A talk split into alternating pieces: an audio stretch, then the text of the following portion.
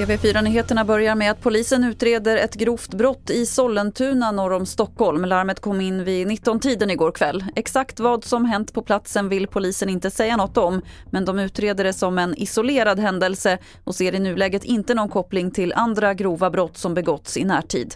En person har tagits in till förhör.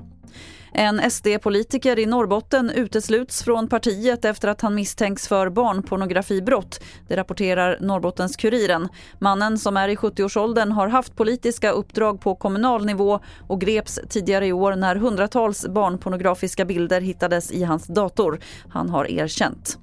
Till sist kan vi berätta att en anställd vid Tullverket åtalas för tjänstefel efter att 200 000 kronor gått upp i rök, bokstavligt talat. Det här rapporterar lokala medier. Den anställda ska ha tagit emot pengarna ensam och lagt dem i omärkta påsar. Det resulterade i att pengarna transporterades till en återvinningsstation och brändes upp av misstag. Fler nyheter hittar du på tv4.se. Jag heter Lotta Wall.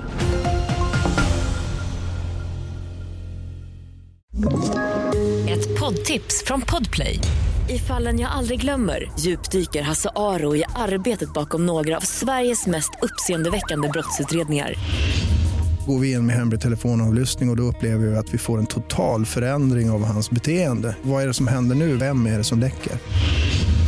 Och så säger han att jag är kriminell, jag har varit kriminell i hela mitt liv men att mörda ett barn, där går min gräns.